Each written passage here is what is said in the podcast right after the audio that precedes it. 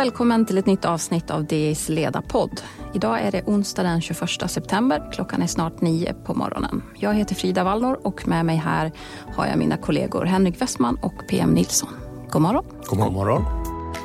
Och till skillnad från de poddar som vi har spelat in sen sommaruppehållet så kommer vi idag faktiskt inte att prata om eh, det politiska spelet i Sverige. Regeringsbildningen befinner sig i ett läge nu när det egentligen inte händer så mycket och inte finns så mycket att diskutera. Vi väntar ju mest på besked nu från Ulf Kristersson om hur hans regering kommer att se ut. Så därför ska vi faktiskt idag passa på att prata om ett ämne som ligger den här ledarsidan varmt om hjärtat, nämligen omställningen av fordonsflottan bort från fossila bränslen. Vi ska både prata om reduktionsplikten och om bilindustrin. Så om vi börjar då med det sistnämnda så har det ju varit en hel del uppmärksamhet kring nyheten om att sportbilsmärket Porsche ska börsintroduceras i Tyskland nästa vecka. Och det verkar bli en av de största noteringarna i Tyskland någonsin. Henrik, varför är det sån här hype kring den här noteringen tror du? Mm, jag tror att det beror på att Porsche är ett unikt bolag. Det är unikt i bilvärlden men det är också ett eh, lyx, lyxföretag. Det finns en eh, det finns ett skimmer runt Porsche som, som få andra bolag har. Det är eh, synonymt med eh, sportbil. Deras mest ikoniska modell är ju 911 eh, och det är ju en modell som jag tror väldigt många människor även utanför bilvärlden känner till. Den har ju sett mer eller mindre likadan ut sedan den lanserades 1963. Så det är ett, det är ett märke eh, och en bil som jag tror många har en, en relation till. Ehm, och eh, nu gör de då entré på börsen eh, och intresset eh, lär vara väldigt, väldigt stort för bolaget. Ehm, förhandsuppgifterna pekar på det.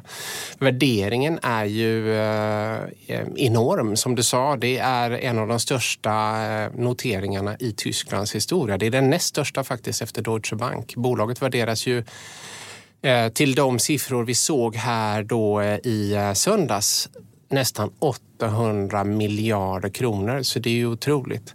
Det här bolaget skiljer ut sig också från andra bilföretag. De har ju en, en, en högre lönsamhet och är ju mer att jämföra med ett bolag som Ferrari. Eller ett eh, lyx, eh, det här franska lyxkonglomeratet LVMH. Eh, de, har ju, de har ju rörelsemarginaler på upp mot 20 procent, vilket är unikt. Och sen har de en eloption, eller hur? De har en, en eloption. En, en, en trovärdig sådan. En mycket trovärdig sådan och, och, det är ju det som är så fantastiskt för man, man förknippar ju Porsche enormt mycket med förbränningsmotorer som sitter bak i den här 911. Men de har ju tagit klivet in i elbilsvärlden. Eh, de har gjort det snabbt och på ett väldigt framgångsrikt sätt. De har ju en modell som heter Taycan och den sålde i fjol faktiskt mer än eh, 911 som ju har sin förbränningsmotor. Så de är på väg in i, el, i elbilseran eh, på ett väldigt, väldigt framgångsrikt eh, vis. Men I och med att det börsnoteras, tar man inte bort lite grann av mystiken kring det här bolaget? Att det blir liksom allmängods? Ja, jag tänker mer att det är, eh, det är ett fantastiskt tillfälle att få äga en del av Porsche. Även för alla människor som inte har råd att köpa en Porsche så kan man, eh, man kan, kan man köpa en aktie. det, är som, det är som svenska tonåringar och Tesla. Ja. Men eh, får jag fråga, eh, om de inte hade haft ett trovärdigt elbilsprogram, hade, börs, hade det skett någon börsintroduktion då? Eh, Tror du? Det, det, är ju väldigt svårt att säga. Ferrari gjorde ju det. De, de börsnoterades ju eh, när de inte hade någonting alls i, i eh, elväg och är ju fortfarande i mångt och mycket ett bensin, bensindoftande företag. Mm. Okay, men, eh, så, så det, men värderingen hade rimligen varit mycket, mycket lägre? Det, det, skapar ju en mycket, mycket större trovärdighet med tanke på vad vi faktiskt är på väg in i och vad den tyska bilindustrin faktiskt gör på det här området som ju är oerhört intressant. Det sker ju en, en väldigt snabb omställning i det land där, där, eh, där förbränningsmotorn uppfanns och eh, ett land som just är kända för för sin bilindustri eh, och som har varit väldigt, väldigt framgångsrika på, på diesel, bensin och att utveckla växellådor. Nu är det inte det man behöver längre. Nu behöver man kunskaper om battericeller och mjukvara. Men om man ska titta framåt då, hur det kommer att gå för, för Porsche på börsen så, så släpper de ju ganska få aktier till försäljning, alltså väldigt liten free float. Och det är ju någonting som också Polestar gjorde Eh, Volvo Cars elbilsmärke som noterades på New York-börsen i somras. Och det bolaget har ju gått väl, ganska knackigt på börsen får man säga. Finns det inte en risk att, att Porsche nu går samma väg? Uh, jag, jag, jag, tror att det i det fallet handlar mer om, om Polestar-problem. Uh, det är klart att det alltid är bra att så mycket aktier som möjligt handlas på, uh, på börsen. Ehm, men i Polestars fall, eh, vad jag förstår, så handlar det eh, mycket om komponentbrist från Kina. Att man inte kan tillverka så många bilar som man faktiskt vill göra. Att man har tvingats skruva ner sin prognos.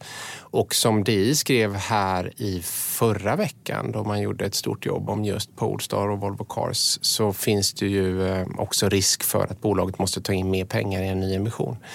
Eh, så det har ju varit något av ett sänke och eh, som den genomgången visar så skiljer ju Polestar eh, ut sig genom att ha gått klart sämre än många andra många andra bilföretag. Men alla de här elbilsaktierna har väl någon slags Tesla-option i sig? Det sägs att Li Shufu som äger Geely, nu heter han Erik någonting, han har bytt namn, eh, att han satt uppe på nätterna för några år sedan och tittade på eh, New York eller de amerikanska börserna eh, och hur Teslas aktie steg och steg och steg och steg och till slut så värderades ju den, det företaget mer än alla de stora elbilstillverkarna, eh, alla de stora fordonstillverkarna i världen. Eh, och då bestämde han sig för att trycka på elkonverteringsknappen. Och eh, då kom det här stora genomslaget på, eh, i Göteborg på Volvo Cars och de övriga märkena som han har. Så det är väldigt fascinerande hur, vilken tilltro som marknaden har till eh, elbilen och att den snabbt kommit över. Ja, det, och, det, och det tror jag också är en av de stora utmaningarna framåt. Att jag tror att det här kundskiftet går så mycket snabbare än vad någon kanske riktigt kunnat prognostisera och föreställa sig. Så nu måste ju hela den här infrastrukturen kring, kring elbilen hänga med. Mm. Ja, det är ju verkligen en stor fråga. Dels själva laddstolparna men också eltillgången. Men det kanske vi inte behöver gå in på nu. Men däremot elstolparna är ju ett, mer av ett akut problem då. Varför byggs det inte fler laddstolpar idag redan? Jag kan inte det, eh, men eh, det är säkert komplicerat att göra städer, tror jag. Det, det, är väldigt komplicerat att göra mm. städer och det behövs uh, tillstånd för att göra de här offentliga ladd, laddplatserna och de tillstånden har tagit väldigt, väldigt lång tid. Men nu finns det ju uh, utredningar igång på det här området för att det ska gå mycket snabbare och det måste gå mycket snabbare. Jag läste en, en, eh, ganska ny rapport från Boston Consulting Group eh, som har tittat på hur mycket, många laddpunkter vi behöver i Sverige fram till 2050 och de säger 3 miljoner. Idag finns det 15 000. Så det är ju liksom en, eh, det är en uppgift av bibliska dimensioner som, som är framför oss. Bara, vad gäller, bara vad gäller infrastrukturen. Mm. Men är det staten som bör gå in och bygga laddstolpar tycker du, PM? Nej, det tycker jag inte. Om man eh, jämför med eh, eh den, den så kallade laddpunktsmarknaden som vi lämnar, det vill säga bensinmackarna, så var det aldrig staten som eh, byggde någonting utan det var privata bolag. Och det finns, det, det finns nog starka skäl att låta marknaden sköta detta. Ehm, det tror jag den kommer lyckas med. Däremot så bör staten underlätta med tillstånd och kraftproduktion. Slutligen, då, vad skulle ni säga, tyska bilindustrin, eh, vad betyder den för svensk ekonomi? Vi har ju hört väldigt mycket om eh, olika tyska bilföretag som investerar i svenska, norrländska industrirevolutionen. Framförallt så hänger den ihop tycker jag. När man tittar mm. på svensk bilindustri så är det ju ett slags annex till tysk. Eh, och om man tittar på hur eh, produktströmmarna går så eh, eh på fabrikerna eh, i Göteborg och Skövde och så där så kommer ju många produkter eh, från eh, de tyska områdena, numera delvis från Kina. Men det, det är som att det är samma, det är samma, liksom, samma kultur, mm. samma kluster. Mm. Så att i någon mening så var det väl tyskarna som lärde svenskarna att bygga bilar. Och det som framförallt Volkswagen har gjort med sin elomställning har ju fått väldigt stor inverkan på hur Volvo Cars tänker. Och nu är det spännande att se om även lastbilarna lyckas med den här omställningen. och, for, och det, det finns, alltså just Volkswagen som du nämnde, PM, de har ju samarbete med Northvolt exempelvis. Just batterier är just ju, är ju mm. liksom en av de viktigaste mm vad ska man säga, insatsvarorna som man behöver framåt i den här industrin. Så att eh, Volkswagen och, eh, och Northvolt har ju ett samarbete i Tyskland och eh, de är ju också stora kunder eh, till Northvolt. Så att det händer ju mycket där tror jag inom elbilsutvecklingen som, som är gemensam och där det finns en hel del eh, kontakter och mycket inspiration. Eh, eftersom Tyskland är ju, måste man ju säga, något sena på den här eh, bollen. Det finns ju, eh, jag har jag har pratat med bilreportrar som har, som har bokstavligt talat hört tyska bildirektörer skratta när den här första Tesla S rullades ut. För de kunde liksom inte se vad det där var och inget hot mot, mot den tyska förbränningsmotorn. Men, eh, men, men nu ställer de om och de gör ju det på ett, eh, på ett väldigt eh, snabbt och brett sätt. Om vi då går över till reduktionsplikten så befinner vi oss ju i ett osäkert läge nu vad gäller reduktionspliktens framtid. Riksdagen beslutade ju i somras att pausa de planerade höjningarna. Efter Hej, Ulf Kristersson här. På många sätt är det en mörk tid vi lever i. Men nu tar vi ett stort steg för att göra Sverige till en tryggare och säkrare plats. Sverige är nu medlem i Nato. En för alla, alla för en. Vi är specialister på det vi gör, precis som du. Därför försäkrar vi på Swedea bara småföretag, som ditt. För oss är små företag alltid större än stora och vår företagsförsäkring anpassar sig helt efter firmans förutsättningar. Gå in på swedea.se företag och jämför själv.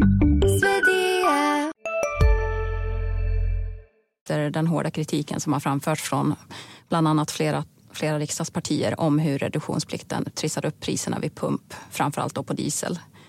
Eh, men samtidigt så kom det ju nu en rapport från Energimyndigheten, eh, den så kallade kontrollstationen som de har i uppdrag att göra, att utvärdera reduktionsplikten.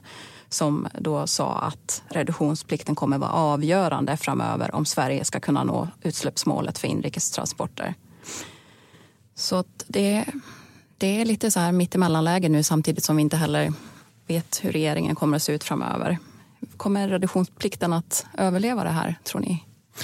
Eh, nej, jag tror inte det. Och det har att göra med olika saker. Dels eh, det som vi pratade om nyss, om hur marknaden eh, riktar in sig mot eldrift. Och då är det ju, eh, och det går snabbt och då är det väldigt vanskligt att bita sig fast i den tekniken som alla håller på att lämna, nämligen förbränningsmotorn. Eh, och att utveckla eh, system och raffinaderier och sådär eh, för att underhålla den maskinen som nu håller på att förbjudas i massa delstater i USA och EU verkar också dra någon slags streck för när försäljningen kan, kan upphöra. Så det, det är väl kanske det starkaste skälet. Ett annat skäl är att eh, nyttjandet av biobränslen håller på att eh, få allt fler eh, frågetecken kring sig från politiskt håll. Dels så ser man då den svenska riksdagen eh, där det är väl kanske mer liksom folkliga eller populistiska orsaker men i alla fall så har ju eh, drivmedlet blivit väldigt dyrt. Och då pausar man det och sen finns det då partier som Vänsterpartiet, Sverigedemokraterna som ifrågasätter det i grunden. Och sen finns det eh, tecken i EU på att man håller på att omvärdera biobränslet. Det anses inte lika hållbart som man tyckte för några år sedan. Och sen är det ju ett de facto-utsläpp som man gör när man bränner biobränslen. Det är ju inte utsläppsfritt som vissa säger utan det är ju ett utsläpp av eh, koldioxid eftersom man bränner kolväten. Och eh, eh, biobränslen orsakar samma typer av eh, föroreningar i städer och sådär. Så det finns ju problem med detta bränslet. Och de problemen påverkar ju också de potentiella investerare som, som är, tidigare har varit intresserade av att producera mer biobränsle, exempelvis i Sverige. Som mm. det är idag så importerar vi ju 90 procent av det biobränslet som vi använder här. Eh, och det är någonting som man har, från politiskt håll ju har sagt att det här vill vi ändra på och det är ju många bolag som också har uttryckt intresse för det här. Mm. Eh, men man kan ju verkligen fundera eh, hur riskvilliga man kommer att vara med den här typen av osäkerhet som är just nu när det gäller reduktionsplikten. Eh, om de här bolagen kommer att, att investera. Och det gäller framför allt ska jag säga, de biobränslena som man kan blanda in i bensin. Där, är ju, där går ju omställningen till elektrifiering mycket snabbare. Mm. Och det, den typen av biobränslen är ju svårt att se med tanke på att tidshorisonten är så pass kort, vem som ska våga ta de investeringarna.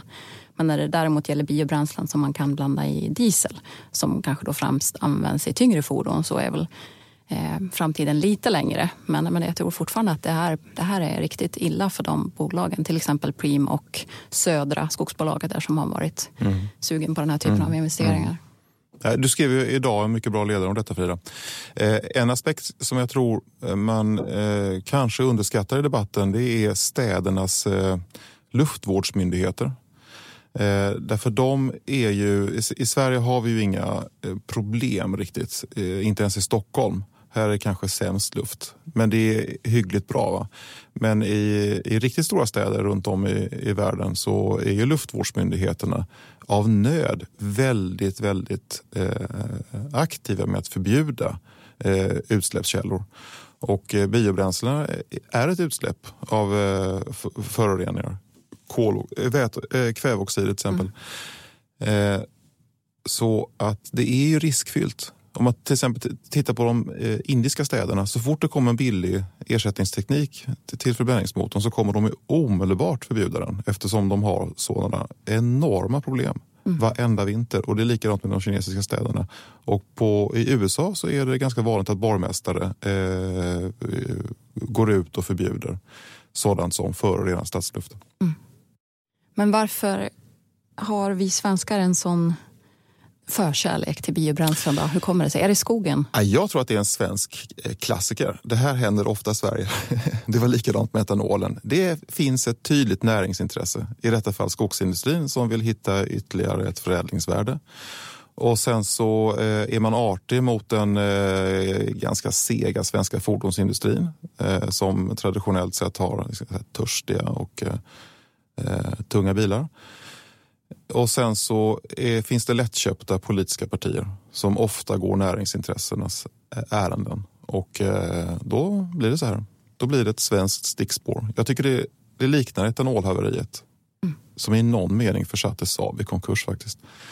Eh, så det, ja, det kommer sluta med förskräckelse. Fast om man tittar på volymer så är det ju väldigt, väldigt lite av det vi använder som biobränsle idag som kommer från svenska skogen. Som jag förstår det, så alltså allt det vi importerar, det vi importerar från det finska statliga bolaget mm. Neste till exempel, det görs ju av slaktprodukter framför allt och restprodukter från palmolja och har ingenting med skogen att göra. Nej. Så det, det, är den svenska produktionen som framförallt bygger på mm på skogen. Men det är som jag sa innan så är det en väldigt liten del. Så det där känns ju också som att det är lite Visst, grann villfarelser. Det, det är mer förhoppningar om att det ska bli så. Mm. När man pratar om det här så, så kritiken handlar ju framförallt då om att, att svenska hushåll får, det blir mycket dyrare att tanka och för svenska bolag så tappar man en konkurrenskraft jämfört med eh, sina europeiska motsvarigheter till exempel. Men från politiskt håll har man ju sagt att nej men det här kan Sverige ta. Sverige ska gå före Eh, när det gäller klimatarbetet och därför har vi vårt superambitiösa utsläppsmål för inrikestransporter. Men har de inte en poäng i det här? Är det inte bra att Sverige går före? Vad säger du Henrik? Ja, lite som du var inne på eh, i din ledare så, eh, så finns det ju väldigt ambitiösa klimatmål på, på EU, EU-nivå redan. Och det hade väl varit eh, logiskt eh, bra och enklare för Sverige att ansluta sig till det istället för att eh, klamra sig fast vid det här. Det som har hänt också i världen med de skenande energipriserna har ju också så att säga satt ljuset på hur, hur, hur det har blivit ännu svårare att, att uppnå det här målet. Det, det, finns framgångsrika exempel internationellt där det har varit framgångsrikt att gå före. Men det har of, nästan alltid handlat om förbud. Att man lokalt har förbjudit någonting. Eh, Bådensjön i Alperna är ett sånt exempel. Där eh, de omkringliggande, det är en stor eh, dricksvattenreservoar och där har man eh, alltid haft världens hårdaste reglemente för utombordsmotorer. Det finns, ing, finns inget reglemente som är svårare att klara. Och då har Honda och Mercury och de här satsat på att klara det. Så de har satt, ett, de har satt ett, ett exempel. Ett annat exempel är då eh, luftvårdsmyndigheten i Los Angeles som har ständiga problem med smog. Där har de också jobbat med förbud och det har gjort att eh, den amerikanska lastbilsflottan har eh, anpassat sig till det därför att alla vill in i LAs hamn och lossa och lasta.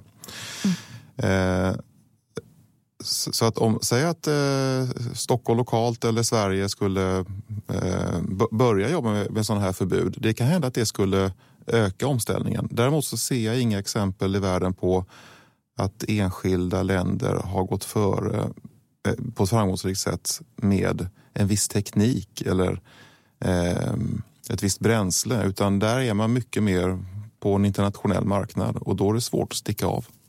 Men jag håller helt med Henrik när det gäller i den här frågan om vårt mål för inrikestransporter. Att där rör sig EU väldigt starkt framåt. Ja. Och nu pratar man ju om att man ska inkludera transporter i handeln med utsläppsrätter. Mm. Och det skulle ju vara ett, en väldig ambitionshöjning från EUs sida. Så att på så sätt finns det ju verkligen också anledning att fundera om vi verkligen ska ha kvar det här målet. Inte bara slopa reduktionsplikten utan också slopa det här målet för att anpassa oss till EU-nivån. Det, det, tycker jag faktiskt. Ja, och eh, ett argument för det är precis det du säger, nämligen att EU har blivit långt mer ambitiös på den här punkten än vad man trodde från början. Sista frågan då. Eh, vi har varit inne lite grann på skogen. Eh, och det har ju varit en konflikt som har pågått länge mellan den svenska skogsindustrin och EU Eh, i att man har olika syn på hur man ska bruka skogen helt enkelt. Men nu tycker, finns det fler och fler tecken på att svenska skogsindustrin faktiskt håller på att svänga. Vad, vad är det som händer? Det är sjukt intressant. Eh, jag tror att man blev rädd för att EU, när de tittar på svensk skogsbruk, skulle se det som ett plantage. Eh, och för det, den svenska skogen är i så hög grad planterad. Eh, och den svensk, det svenska skogsbruket använder eh, kalhyggesteknik eh, på ett sätt som man helst vill undvika i, i EU. Och EU säger numera så här att vi tänker inte tillåta import av virke som kommer från plantager. Och då försöker man påverka det brasilianska skogsbruket. Men, men den svenska skogen är liksom snubblande nära att, eh, att eh, uppfattas som, ett, som en plantering. Eh, så jag, jag, tror att det har med det att göra. Plus att man eh, kanske börjar se att det finns så många olika värden i skogen. Eh, sociala värden, biologiska värden, eh, klimatvärden som eh, har med eh, förmågan att upprätta kolsänkor att göra. Och så där. så att, då kanske man tycker att det är intressant med EU-sammanhanget och inte försöka på sig, inte, inte försöka hålla fast vid en svensk särlösning. Nej, men det låter ju som väldigt sunt om man skulle få en lite mer konstruktiv dialog. Också att kommande regering kan ha en lite mer konstruktiv dialog när det gäller eh, skogspolitiken ja, och också EU-politiken Ja, det har ju låtit från den svenska regeringen som att EU ska inte komma här och reglera vårt skogsbruk. Mm. Men EU gör det. Det är ju där den stora regleringen eh, görs. Vi sätter punkt där för idag. Nästa vecka är vi tillbaka och då tror jag återigen vi får, måste prata om regeringsbildningen. Tack tror. Henrik, tack PM. Tack. tack, tack alla ni som lyssnat. Ansvarig utgivare är Peter Fällman.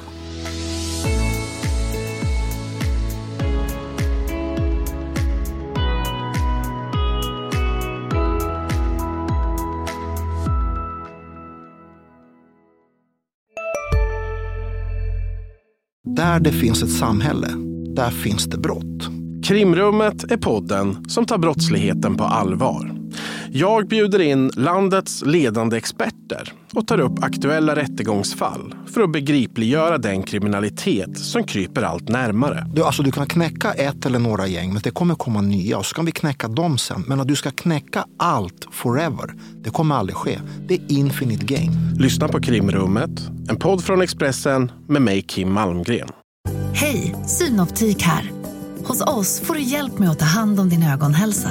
Med vår synundersökning kan vi upptäcka både synförändringar och tecken på vanliga ögonsjukdomar. Boka tid på synoptik.se.